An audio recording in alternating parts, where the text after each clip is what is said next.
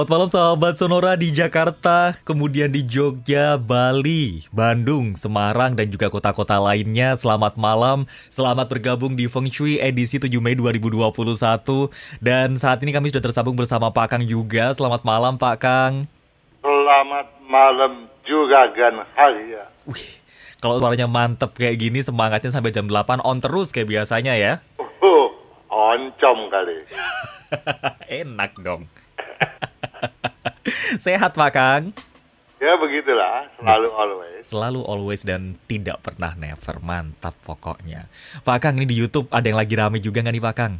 Ya begini lah, Hmm. saya mau menyampaikan dahulu bahwa Mm-mm. kemarin kan kita sudah bicara tuh mengenai eh, bahwa ma- tahun apa bukan tahun, era si gue, Yang apa Pak Kang? Era si gue, si gue tau gak si gue? Lupa, si gue. Nah bulan keempat ini, Ah, iya. nah, Yang kemarin saya singgung pergantian bulan itu ya? betul. Ah, ah, ah. Kan keempat Imlek itu kan kita kemarin udah kasih bocorannya Iya. bahwa eh, bulan eh, si gue itu merupakan era di mana keberuntungan betul-betul spesial Hmm. ya peluangnya menjadi sangat besar begitu toh Mm, mm, mm. jadi jangan sampai di apa sia-siakan Disia-siakan. Eh, video mengenai minggu lalu pun sudah kita upload Ah. hindari bahaya fatalis ya toh Mm, mm, mm, mm. Jangan sampai kita menempati rumah yang berkedudukan tantangan, Mm, mm. ya kita bisa atau eh, terancam berbahaya begitu. Betul. Nah, tapi satu hal ya yang hendak saya sampaikan di sini bahwa kemarin kan kita sudah janji tuh Yang ini bahas masalah kamar dapur, eh kamar dapur udah kemarin. belum dong. Kalau kamar tidur di atas dapur. Ah, kemarin jawabannya belum, udah itu doang. Tuh, Anda Anda sempat ngotot waktu, waktu minggu lalu juga dong. Iya, bener bener bener bener. Betul. Nah, kalau kita berbicara masalah dapur dan penataan lainnya, Mhm. itu eh, banyak cara untuk kita menggunakan siasat. Ada solusi selalu. Oke. Bagaimana supaya hal yang jelek eh, bukan eh, walaupun misalnya kita tidak bisa menghilangkan dampak buruknya, Mm, ini bisa kita minimize begitu toh. Betul. Salah satunya tentu dengan menggunakan cermin. Nah, kalau kita berbicara mengenai cermin, saya eh, teringat bahwa putra saya bicara tuh Mm, mm. mengenai pemasangan cermin. Jangan sampai keliru. Ada memasang cermin kalau keliru bisa justru berdampak sebaliknya juga kan. Ah. Karena yang kita harapkan hal yang positif, Heeh. tahu-tahu menjadi negatif Negatif. ya. Sedangkan yang dibicarakan oleh Kang Singfat itu videonya tips feng shui Heeh. agar penggunaan cermin yang benar agar rezeki datang. Ah. Tapi terlepas daripada itu perlu juga saya sampaikan kepada sahabat Sonora bahwa walaupun tidak berkaitan dengan cermin, apa pun yang Anda mau tanya, Mm, mm, mm. oh saya setiap hari Jumat selalu hadir bersama Anda. Mm, mm. Dan kalau hari Senin, ada Kang Sifat di Instagram. Betul. ya, bersama Sonora juga dong. Heeh. Ya, tiap hari Senin jam Empat, Nah. pukul 16 ya. Sore ya, petang ya. Heeh. Nah, begini juga Gan, kita mau lanjut nih Hmm. dengan apa yang telah kita janjikan. Eh, saya menyimpulkannya sebagai jodoh yang susah. Udah jodoh susah lagi. Jodoh susah, hidup pun merana. Tapi sebelum itu, ada satu penanya, namanya Xiaomi. Oke. Xiaomi ini eh, mengupload pertanyaannya pada video mengapa uang Anda habis. Hmm. Dia bertanya begini juga Ganaria, Gimana? Kenapa kalau rumah yang tipe kecil dari ruang tamu kan terlihat dapur. Mm-mm.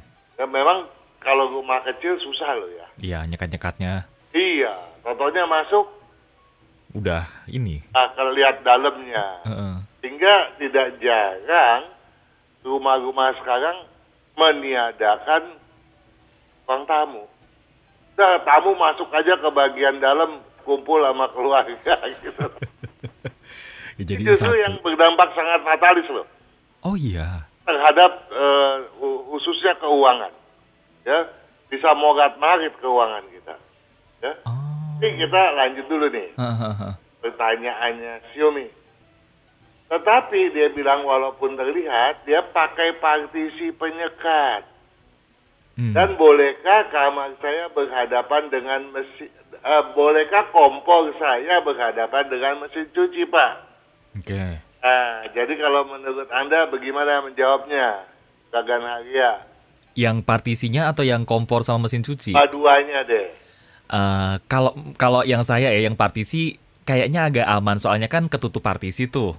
Luar biasa, benar. Bener ya? Benar. Ya, jadi saya berharap sahabat Sonora juga bisa paham hal ini. Kalau udah ada partisinya nggak masalah. Oke. Tapi ada catatannya. Nah, gimana Pak Kang? Sering kali partisinya tuh yang suka eh, bisa ditekuk-tekuk tuh. Oh, ya ya ya ya ya ya ya. Penuh lobang-lobang, Uh-uh. nggak masif. Heeh. Dan kemudian tingginya tidak melebihi tingginya pintu utama. Jadi masih kelihatan ya. Iya, nah itu nggak boleh. Yang namanya partisi, partisi, dia harus lebih lebar dari pintu utama, Heeh. harus lebih tinggi daripada pintu utama, dan tidak boleh berlubang-lubang, tidak boleh ada celah untuk kita mengintip. Ya, sering kali juga yang namanya partisi suka dipasangin apa tuh lemari kan? Heeh, heeh, heeh. Tapi kemudian lemarinya berlubang-lubang buat taruh taruh apa meletakkan TV atau segala macam begitu. Sehingga ke dalamnya kelihatan. Ah, harus rapat Eh, berarti. juragan. Jadi partisinya harus bersifat masif. Hmm. Nah, boleh nggak tuh kompor berhadapan dengan mesin cuci? Hmm, kayaknya enggak deh Pak. Api ketemu air. Iya enggak? Betul sekali, juragan. Betul. Seriusan lo nih. Ini luar biasa juga Ganaria ini. Ya, Lagi connect aja ini. Kang, nggak Heeh. boleh. Oke. itu eh, jadi haruslah kita mendorong mesin cucinya menjauh. Jadi yang harus kita utamakan kalau kita masuk ke dalam rumah, kita harus bertemu kompor dulu, barulah mesin cuci. Jadi jangan terbalik tuh ya. Oke. Nah, tetapi bagi Xiaomi ada bagusnya. Selain menyeksamai eh, tip feng shui, cara penggunaan cermin yang benar agar rezeki datang pada channelnya Kang Sifat. Mhm. Nah, eh, hal tadi itu bisa juga disiasati oleh cermin kalau kompornya ternyata terbalik pasang gitu. Tahu? Hmm. Saya juga berharap Xiaomi menyeksamai video aturan feng shui rumah kecil agar tetap hoki. Mm-mm. Jadi bukan berarti rumah kecil nggak bisa hoki juga kan. Ah, ya ya ya.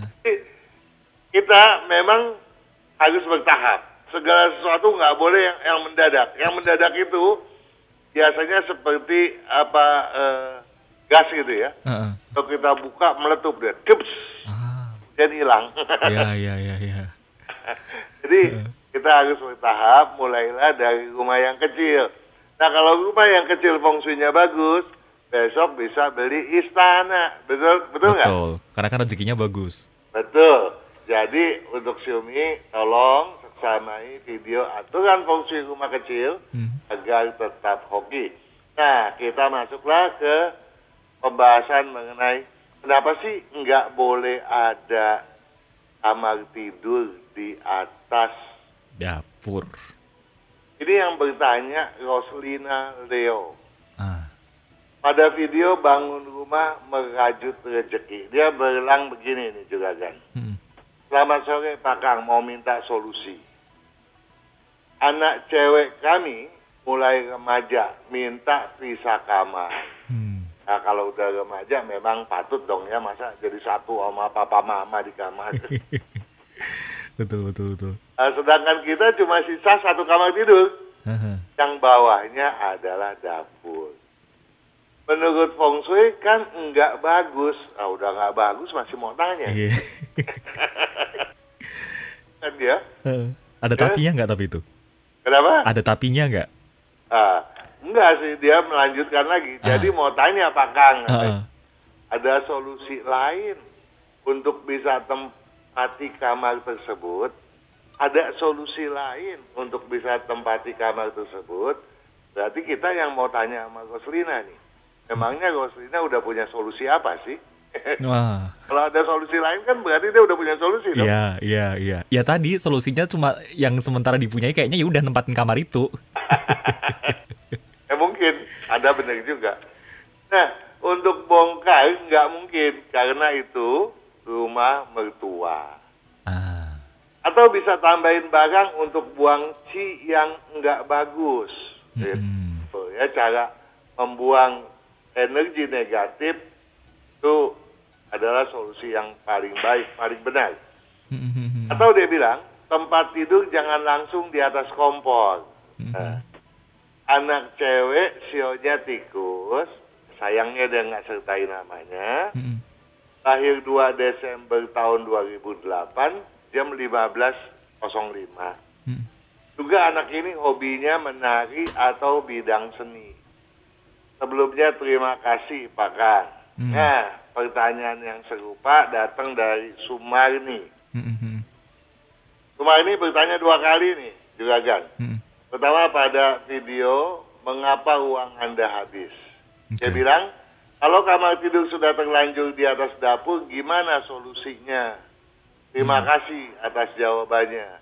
Kemudian Sumarni 001 pada video di atas dapur yang boleh dan yang pantangan. Bagaimana kalau sudah terlanjur kamarnya di atas dapur? Apa solusinya? Mohon dijawab katanya. Semoga Kemudian denger, maksud ya. semoga dengerin juga nih. Nah, kemudian ada lagi. Memang banyak yang bertanya soal ini nih. Ah. Ya, Agustina Chang pada video dampak pintu utama kamar mandi WC pada dapur. Hmm. Selamat malam Pak Kang. Bila ruang dapur bersebelahan dengan kamar pembantu dan kamar mandi, tetapi dindingnya tidak sharing, apa boleh katanya. Ah, oke. Satu hal yang perlu kita pahami bahwa yang nggak boleh itu juragan sebetulnya bukan cuma di atas dapur loh. Tapi, Berdampingan nggak boleh, oh iya. ya. Di bawahnya nggak boleh, berhadapan nggak boleh. Berarti emang harus pure misah gitu ya? Harus sudah bisa. Nah, kenapa sih eh, eh, nggak boleh? Karena dampak buruknya bisa ter- mendera pada orang tua, ya. Oke. Nah, kalau ber- pada orang tua, sering kali kita ya masih bisa cari eh, solusi lain lah.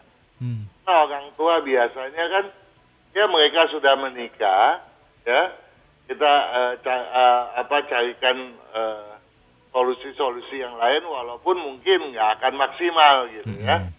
Tetap dampaknya itu ada. Apa sih dampaknya juga kan Arya? Mereka gampang ribut loh Hmm. Ya. Jadi eh, ada ada sering kali konflik kepentingan di antara suami istri. Oke. kemudian yang paling kita khawatirkan nih kalau itu mendera kepada anak gadis juga kan sehingga menjadi sulit memperoleh jodoh. Nah kalau tadi kita sudah bilang nih juga kan bahwa bukan cuma di atas dapur Hmm. eh, tempat tidur nggak boleh. Bersebelahan pun nggak boleh. Bersinggungan gitu pokoknya ya. Betul, ya. Berhadapan pun nggak boleh. Heeh. Ya.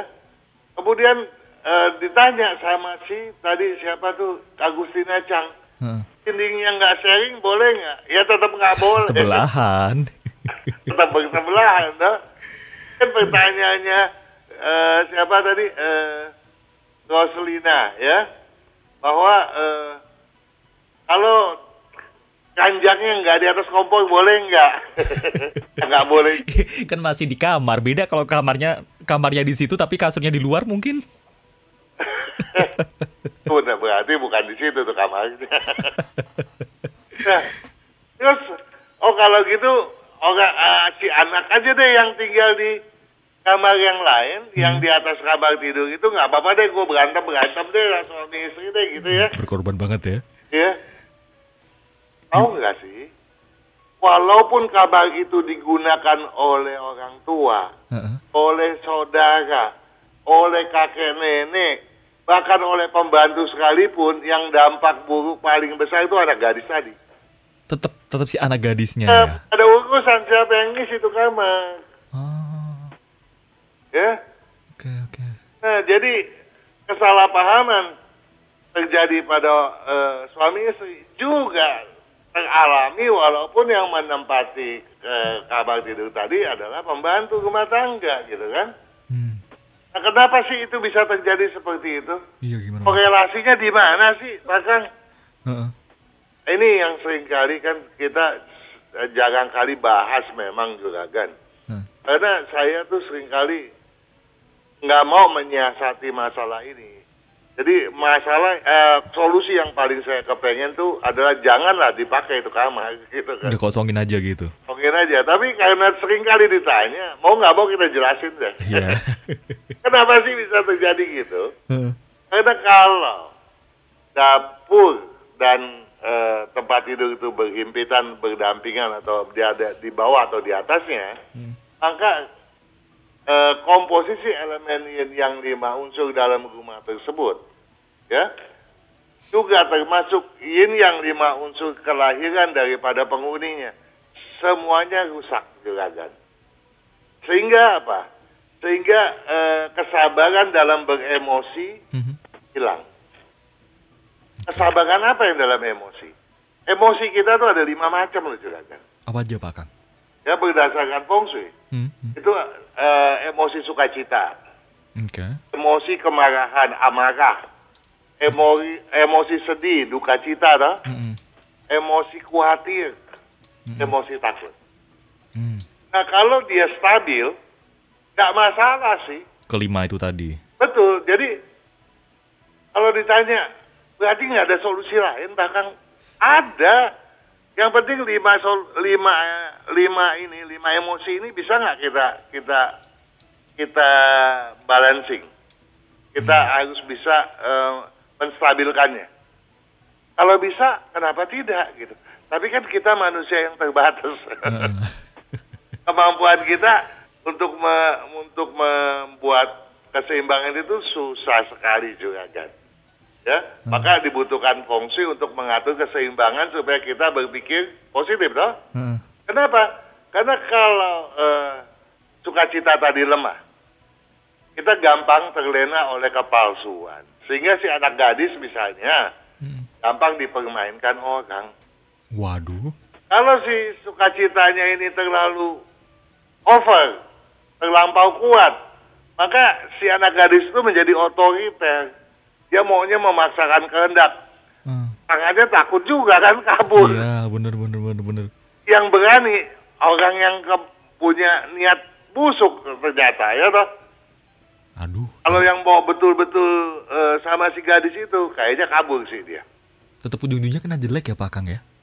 Jadi yang berani dekat dengan orang yang sifatnya otoriter tadi tentu punya maksud-maksud tertentu, toh? Nggak pure murni karena sayang. Betul, kita harus waspadai. Nah, sekarang kita bicara tadi sukacita. Uh-uh. Kita bicara emosi marah. Kalau kemarahan itu uh, terlalu uh, lemah ternyata, yang terjadi apa? Salah paham, berpikir tidak objektif. Hmm. Kalau dia terlalu kuat, dia terlalu kritis malahan. Akibatnya dia nggak sabaran, gampang caci maki. Ya? Okay. Kalau sedih, terlalu lemah, dia bisa justru menertawakan kesedihan. hmm. ya, kalau dia terlalu kuat, ya, dia bisa sedih sendiri tanpa sebab. Kan suka nggak lihat ada orang yang mengenung aja gitu. malah ya kan? Iya. Nah ini dia, ini ini dampak daripada itu bisa terjadi.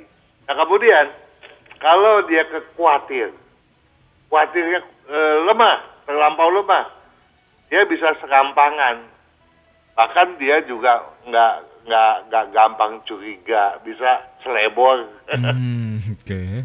Kalau dia curiganya eh, khawatirnya berlebihan, curiganya juga bisa berlebihan. Bahkan Setuju. dia mungkin traumatis akan masa lalu dia, toh? Heeh. Ya kita ba- bahas nih asal-asal garis besarnya ya. Kalau satu-satu kita bahas lambat eh, jauh panjang sekali nanti. Dua jam.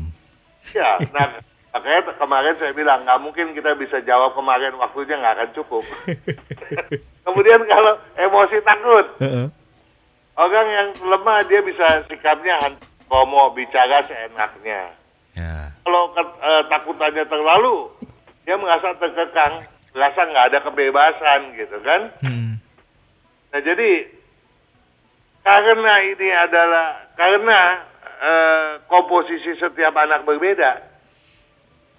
Ada yang sukacitanya kurang, ada yang sukacitanya berlebihan, begitu juga amarahnya, kesedihannya, khawatirnya, takutnya kan beda-beda nih. Betul. Eh, mending kalau satu macam yang dialami. Kalau dia tuh kombinasi dari dua tiga macam masalah Atau kelimanya malahan. atau lima limanya, tapi nggak ada kalau lima Oh limanya. nggak ada ya, dua tiga berarti maksimal ya. Nah, nah, kemudian kita mau kasih solusinya gimana coba? Gimana Pak Kang? Nggak bisa. Jadi kita hanya bisa melakukan solusi atas kasus per kasus. Hmm. Ya udah, nggak bisa kita ucapin di sini secara Secara Eh, general umum. gitu ya. nggak bisa dong, ya. Ah, oke. Nah, dan kalau kita mau kasus per kasus, mau berapa jam untuk satu kasus? Kita mesti hitung satu per satu. Ya? Ah. Nah, makanya untuk pertanyaan, atau bisa tambahin barang untuk buang energi negatif nggak, dia bilang. Yang tadi saya bilang benar gitu kan. Mm-mm. Nah, memang kita sulit untuk membuang sacinya, walaupun kita bisa menaruh barang tertentu, ya. Mm. Nah, setiap orang tuh tentu saja berbeda-beda. Ya. Nah, jadi eh, sekarang eh, karena menata rumah kan tentu saja kita nggak bisa parsial. Kita mesti menghitung keseluruhan satu rumah. Setuju. Tadi kita baru berbicara mengenai komposisi si anak gadis. Mm. Belum komposisi orang tuanya. Mm. Nah, kalau orang tuanya terus sering kali ribut gimana? Sering kali bentrok bagaimana? Sering kali beda pandangan bagaimana? Akibatnya apa? Gangguan ekonomi pun terjadi. Ya toh? Mm. Mm, Nah, mm, mm. ini yang saya khawatir. Kenapa saya khawatir? Ntar saya sampaikan lagi. Tapi satu hal, Mm. saya mau kasih tahu. Mm. Saya pernah berbicara mengenai kekeliruan rumah. Ya, zaman dulu nggak ada kita bikin rumah tuh atapnya tuh dari eh, besi apa tuh baja ringan. Mm. Sekarang kan eh, atap eh, kuda-kuda rumah itu baja baja ringan gitu toh dari besi. Nah, kalau kita pakai baja itu baja adalah unsur yang dianggap mati sehingga tidak berdampak buruk terhadap penghuni rumah. Mm-mm. Tapi kalau dia itu dari kuda-kuda kayu, makanya zaman dulu kalau kita bikin kuda-kuda kayu, dibikin apa? Kita taruh apa di atas tuh? Eh, pisang segala macam, dah. Ingat nggak? Ah, enggak. Eh, padi-padian gitu, dah. Ah, Oke. Makanya unsur kayu kalau dia kita cara masangnya benar, dia akan membawa kita berkah. Tapi kalau salah bisa berbahaya. Ya. Nah, kalau kesalahan dapur tadi terus berikut kesalahan penjambungan kayu, ini jadi fatalnya bukan main. Jadi bisa berbahaya. Maka tadi saya bilang, ini judulnya nih bisa berarti apa? Jodoh susah, hidup pun bisa mengana, begitu kan? Iya. Nah, terus kemudian kalau eh, kita berbicara juga pernah kusen pintu. Kalau kusen pintunya sekatnya terbalik, ini pun bisa mendatangkan berbahaya. Maka saya minta sahabat Sonora simak kembali pembahasan mengenai kedua eh, pembahasan tadi ya kuda-kuda atap dan juga, juga mengenai kusen pintu. Tapi saya mau menyinggung sedikit mengenai putrinya Roslina Leo. Hmm, tinggal satu menit muat ya Pak Kakang ya? Ya, eh, ya kalau enggak kita sambung. Ah. Nah, masalahnya kemarin Anda ngotot lagi. semenit Makanya bisa habis waktu kemarin satu satu acara itu. semenit deh, semenit deh. Eh, gini, Hmm. eh, eh, Roslina Leo punya putri itu bernama eh, bernamanya nggak ada, sionya Tikustana. Hmm. Akhirnya pada hari Selasa tanggal 2 bulan 12 tahun 2008, Imleknya tanggal 5 bulan 11 tahun 2559 jam 15.05. Mm-mm. Katanya dia seorang yang seninya tinggi, pandai menari. Nah, dari komposisi memang unsur airnya tinggi, jadi seninya memang tinggi sekali. Hmm. Tapi dampak daripadanya terhadap eh, jodoh nanti, dia tuh sering kali suka meng- eh, apa? Ada rasa takut yang tidak semestinya sering kali menyelinap di dalam dirinya. Dan Oke. dia bisa merasa terkekang, merasa dia nggak punya kebebasan berpikir. Maka itu saya khawatir kalau kemudian dia tuh sekarang demen menari. Menari memang kesukaannya salah satunya. Hmm. Tapi bukan obsesinya yang paling utama loh. Hmm. Itu bukan dia punya dambaannya gitu ya. Nah, oleh sebab itu eh, dan karena juga dia punya eh, juga gampang sekali merasa sedih tanpa eh, ada sebab. Maka saya juga dari komposisi yang ada, saya menganalisa kalau terjadi kekeliruan tadi, maka si putri ini paling mudah terkena rayuan. Ya, bisa sen- sendiri gitu ya, bisa merasa terkekang. Tak kecuali dalam berkreativitas. Jadi kemampuan seninya bagus, tetapi itu bukan dabaan dia seperti, seperti tadi saya sudah sampaikan. Oke. Nah, kemudian kalau kita mau dia menjadi anak yang kemudian maju, saya satu satu hal saya mau kasih tahu kepada Roslina bahwa putrinya ini saya nggak ada namanya. Hmm.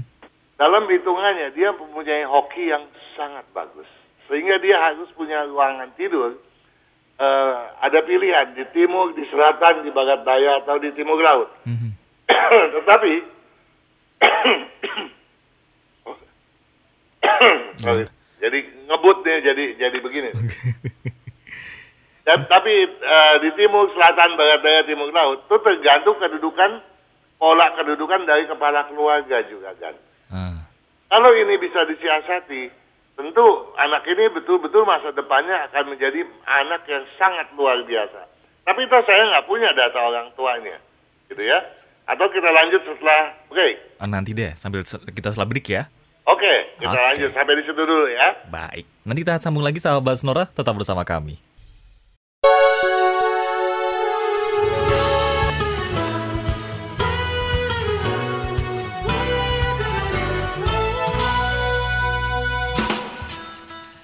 Masih di Feng Shui edisi 7 Mei 2021 dan juga saya masih tersambung bersama Pak Kang. Tadi gantung ya Pak Kang pembahasannya ini keluarganya Rosalina. Betul Rosalina bukan sih namanya tadi? Roslina. Roslina, Rosalina masih netron. Silahkan dilanjut Pak Kang. Ini tadi kebingungan orang tuanya nih tadi. Gagan harga. Saya kan selalu berpikir demi kepentingan klien, demi kepentingan sahabat Sonora. Setuju. Dalam konteks ini, saya juga harus berpikir demi kepentingan sang putri tercinta daripada Roslina Leo. Hmm. Yang kalau kita hitung daripada kata kelahirannya, mestinya dia punya masa depan yang sangat bagus. Ya.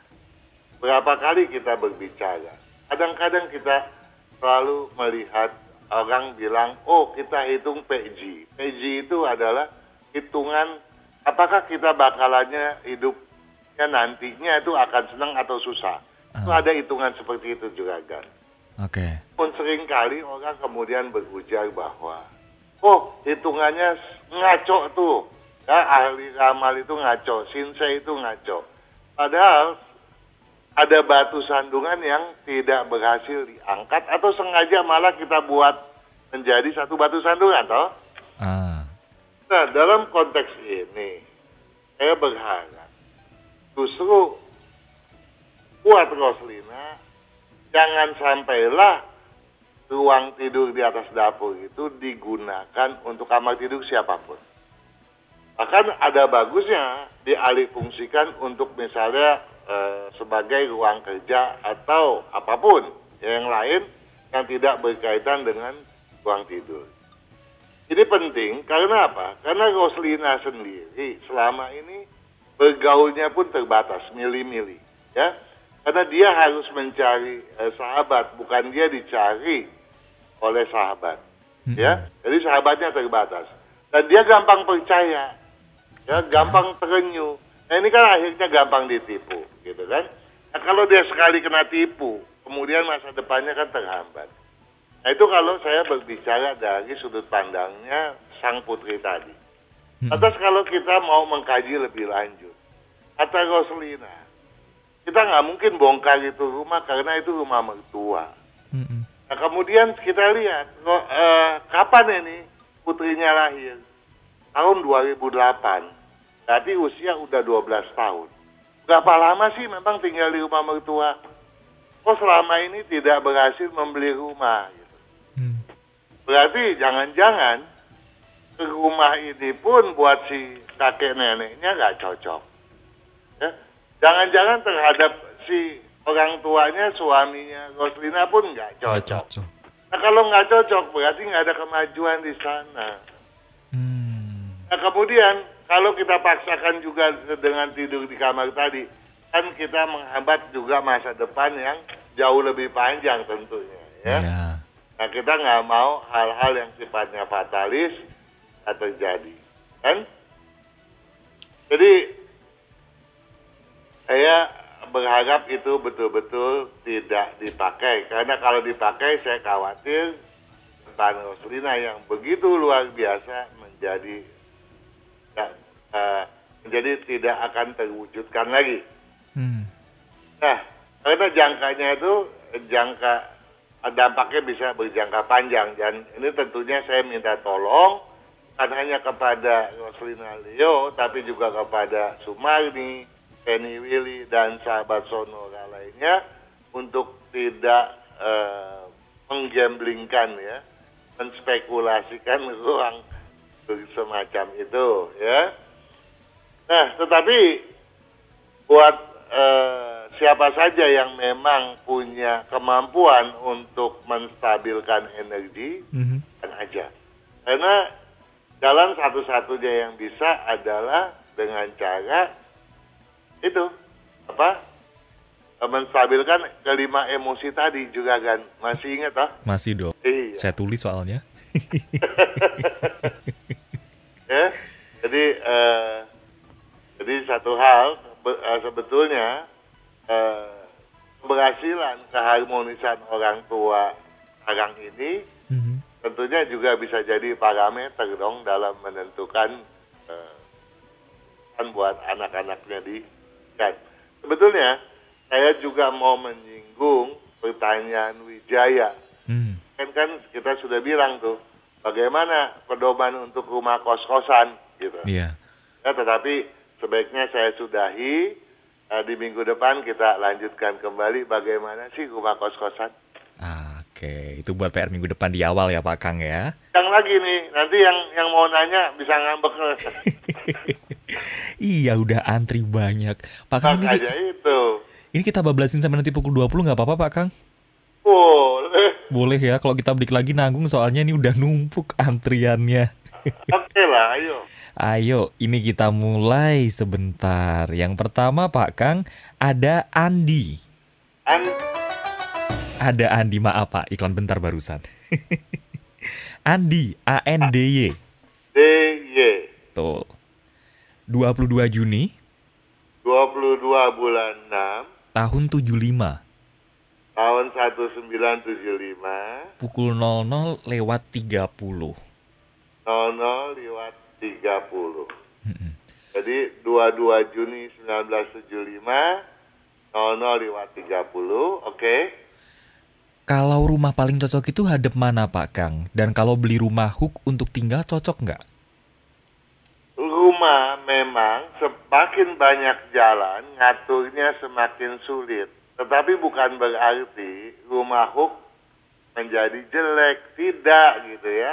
Mm-mm. Yang kita harus waspadai rumah yang tusuk sate dan yang paling benar-benar harus diwaspadai kalau tusuk satenya dari belakang.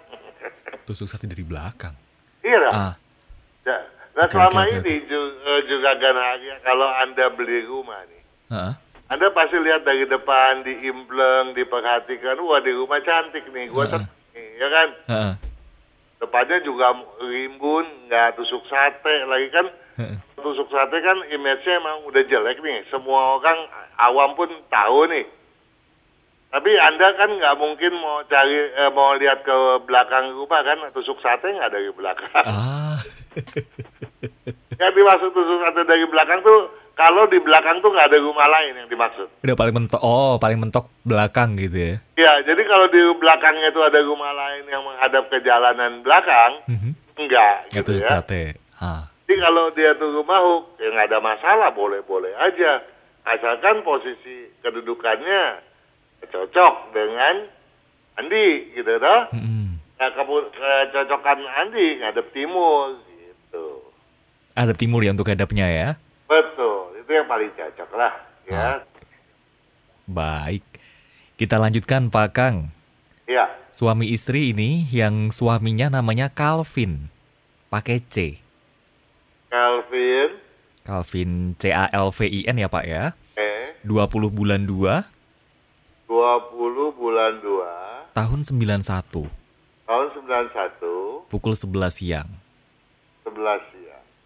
Kemudian istrinya namanya Tisia Handres.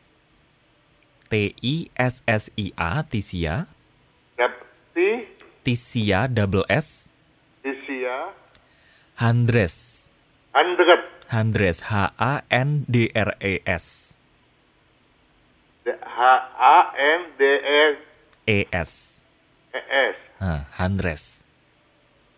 Oke, 24 bulan 6 24 bulan 6, tahun 85 tahun 85, ini sekitar 4 sampai 5 sore.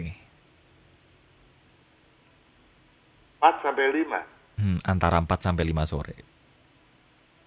Ini si Kelvin tahun 91 ya. Betul. Eh Isia tahun 85. Betul. Ini kambing dengan sio kerbau loh ya. Yang artinya Eh, biasanya orang tua nggak kasih izin menikah. ah. Ya. Karena perbedaan 6 tahun tuh orang tua udah paling takut gitu ya. Walaupun ya belum tentu. Belum tentu juga gitu ya. tentu. Nah kalau dari hitungannya memang tidak ada terlalu hal yang membahayakan buat mereka sih. Oke. Hubungannya oke gitu ya. Oke, termasuk termasuk yang oke lah ya. Nah, untuk bahaya fatalis kelihatannya enggak dan cara berpikir daripada mereka Heeh. eh, termasuk yang klop lah ya. Ah. Tapi rumahnya kalau ada utara oke nggak Pak Kang? oh, boleh juga ya lumayan lah posisinya cukup bagus. Cukup bagus, oke. Terus ini kan sekarang si Calvin kerja sebagai profesional. Kalau buka usaha kira-kira bidang apa yang cocok untuk Calvin dan juga istrinya? Eh, keduanya cocok di bidang berunsur kayu dominan kalau memang mau bekerja sama berdua. Ya, pilihan lain buat Kelvin bidang berunsur tanah dominan. Mm-mm. Sekali lagi saya nggak mau kasih tahu karena lambatnya bukan main. Oke. Kemudian buat si eh, Isia? Ya juga ada tapi lambat juga. Jadi saya berharap mereka eh, lebih fokus pada bidang berunsur kayu dominan saja. Yang kerja bareng tadi itu ya? Betul. Kapan Pak Kang yang cocok? Tahunnya untuk buka? Tahun ini dua-duanya lagi ciong besar. Jangan. Hmm, tahun depan. Ya, jadi tahun ini pun andai kata eh, ada satu hal ya. Karena kalau dari cara berpikir mereka kemungkinan terjadi konflik itu kecil. Tetapi bukan berarti konflik tidak bisa terjadi. Ya. Kan feng shui bisa mengakibatkan konflik. Ya. Semacam apa yang tadi telah kita sampaikan toh. Mm-mm. Kalau kamar tidur ada di atas bersebelahan dengan eh, dapur atau eh, kompor berhadapan dengan air itu aja udah terjadi konflik toh. Bener bener bener bener. Nah kalau itu konflik terjadi, tolonglah keduanya bersabar, ya. Karena apa? Karena kedua-duanya ini emosinya tinggi-tinggi. Emosi tinggi-tinggi tapi malah jarang ini ya, malah jarang mis pendapat itu ya. Kita berpikirnya sama. Gitu. Ah. Akan Calvin tuh sering kali keras kepala gitu. Nah kalau mereka nggak sadari ini, di tahun yang ciong besar ini bisa terjadi masalah yang tidak diinginkan gitu aja. Oh kita nggak berharap itu terjadi dong. Jadi keduanya kesabaran harus dikedepankan. Kalau warna baju yang dihindari Pak Kang ada? Eh, nggak ada sih untuk mereka. Berarti semuanya cocok ya warna gelap terang. Ya oke lah, nggak ada yang terlalu di, eh, disarankan untuk tidak dipakai gitu. Oke, mudah-mudahan menjawab ya Calvin dan juga Tisia. Terima kasih udah bergabung. Kemudian selanjutnya ada dari oh. Dari, Ad-? Gimana Pak Kang? Dari siapa? Ada ah ini saya nyebutnya gimana? Bapak saya Oh, saya tadi tadi saya bacanya bapak saya, maksudnya bapak ini Pak Kang ternyata. ini Enggriawati. Endria Ah, gini. Engri pakai G, double G, E N Engri. ya, Enggriawati. Engri. Hmm. Engri apa Engri nih? Angry, E N G G. Oke. Oke.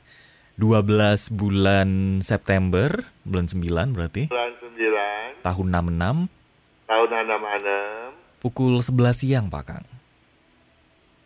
ya. Ini ada nggak sih Pak Kang eh, mau tanya hari dan juga bulan apa aja yang baik untuk pindah rumah? Dan ini rumahnya tuh hadap timur, apakah baik Pak Kang? Ya, begini. Kalau kita berbicara rumah yang apa saat yang selaras untuk pindah rumah, Mm-mm. itu ada dua hitungan ya. Hitungan yang pertama itu yang sifatnya umum dan itu banyak itu dari zaman dulu udah beredar kalender-kalendernya ya.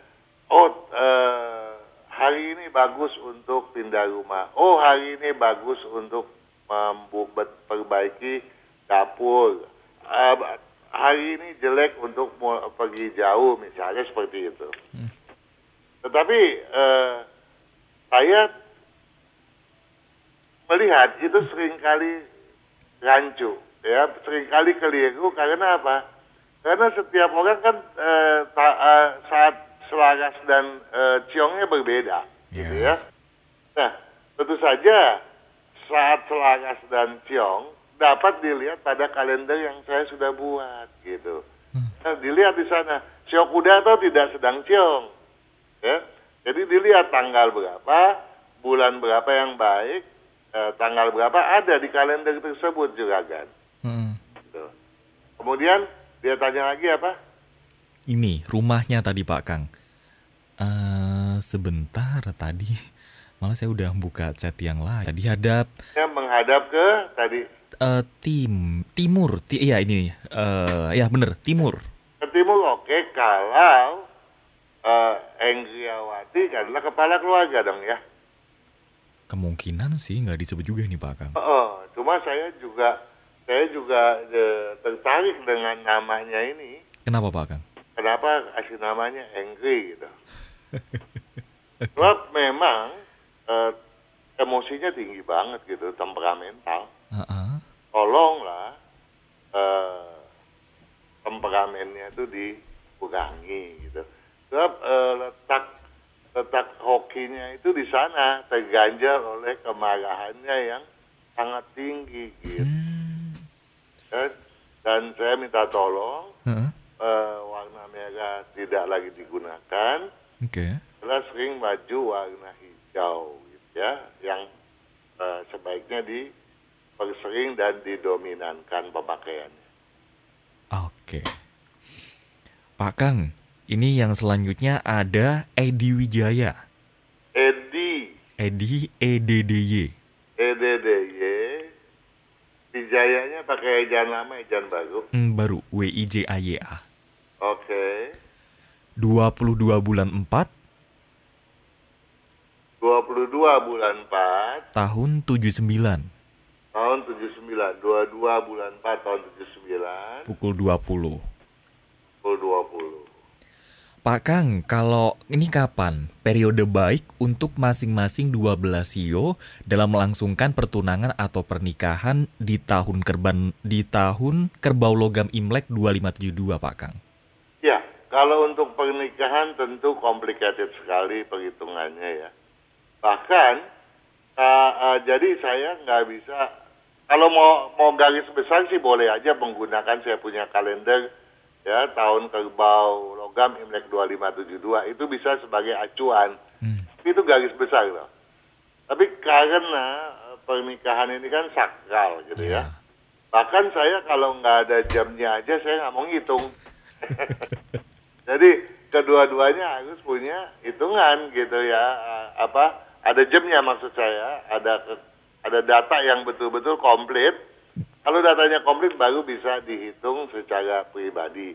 Namun kalau kita berkaitan dengan Edi Wijaya misalnya Edi itu sionya kambing gitu ya. Hmm.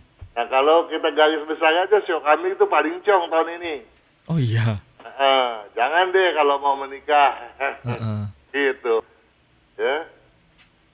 Tapi kalau untuk eh, patokan menikah tentu harus dengan data yang detail dan itu patut dihitung dengan seseksama mungkin. Oke. Satu lagi ya Pak Kang ya. Oke. Ada ini Pak Kang. Angel. Angel, Angel. Angel tulisan. Betul. Oke. 17 Juni 17 bulan 6 tahun 2003 tahun 2003 pukul 18 lewat 35. 18 Lewat 35. ya Kalau kuliah, ambil fakultas apa ya Pak Kang yang cocok? ambil eh, food tech ya, food science, agrobisnis bagus ya. Mhm. Apalagi sekarang kan lagi tren nih urban farming. Oke. ya. Dan eh, orang kan banyak yang sekarang lebih peduli akan kesehatan ya dibanding masa-masa yang lalu gitu kan.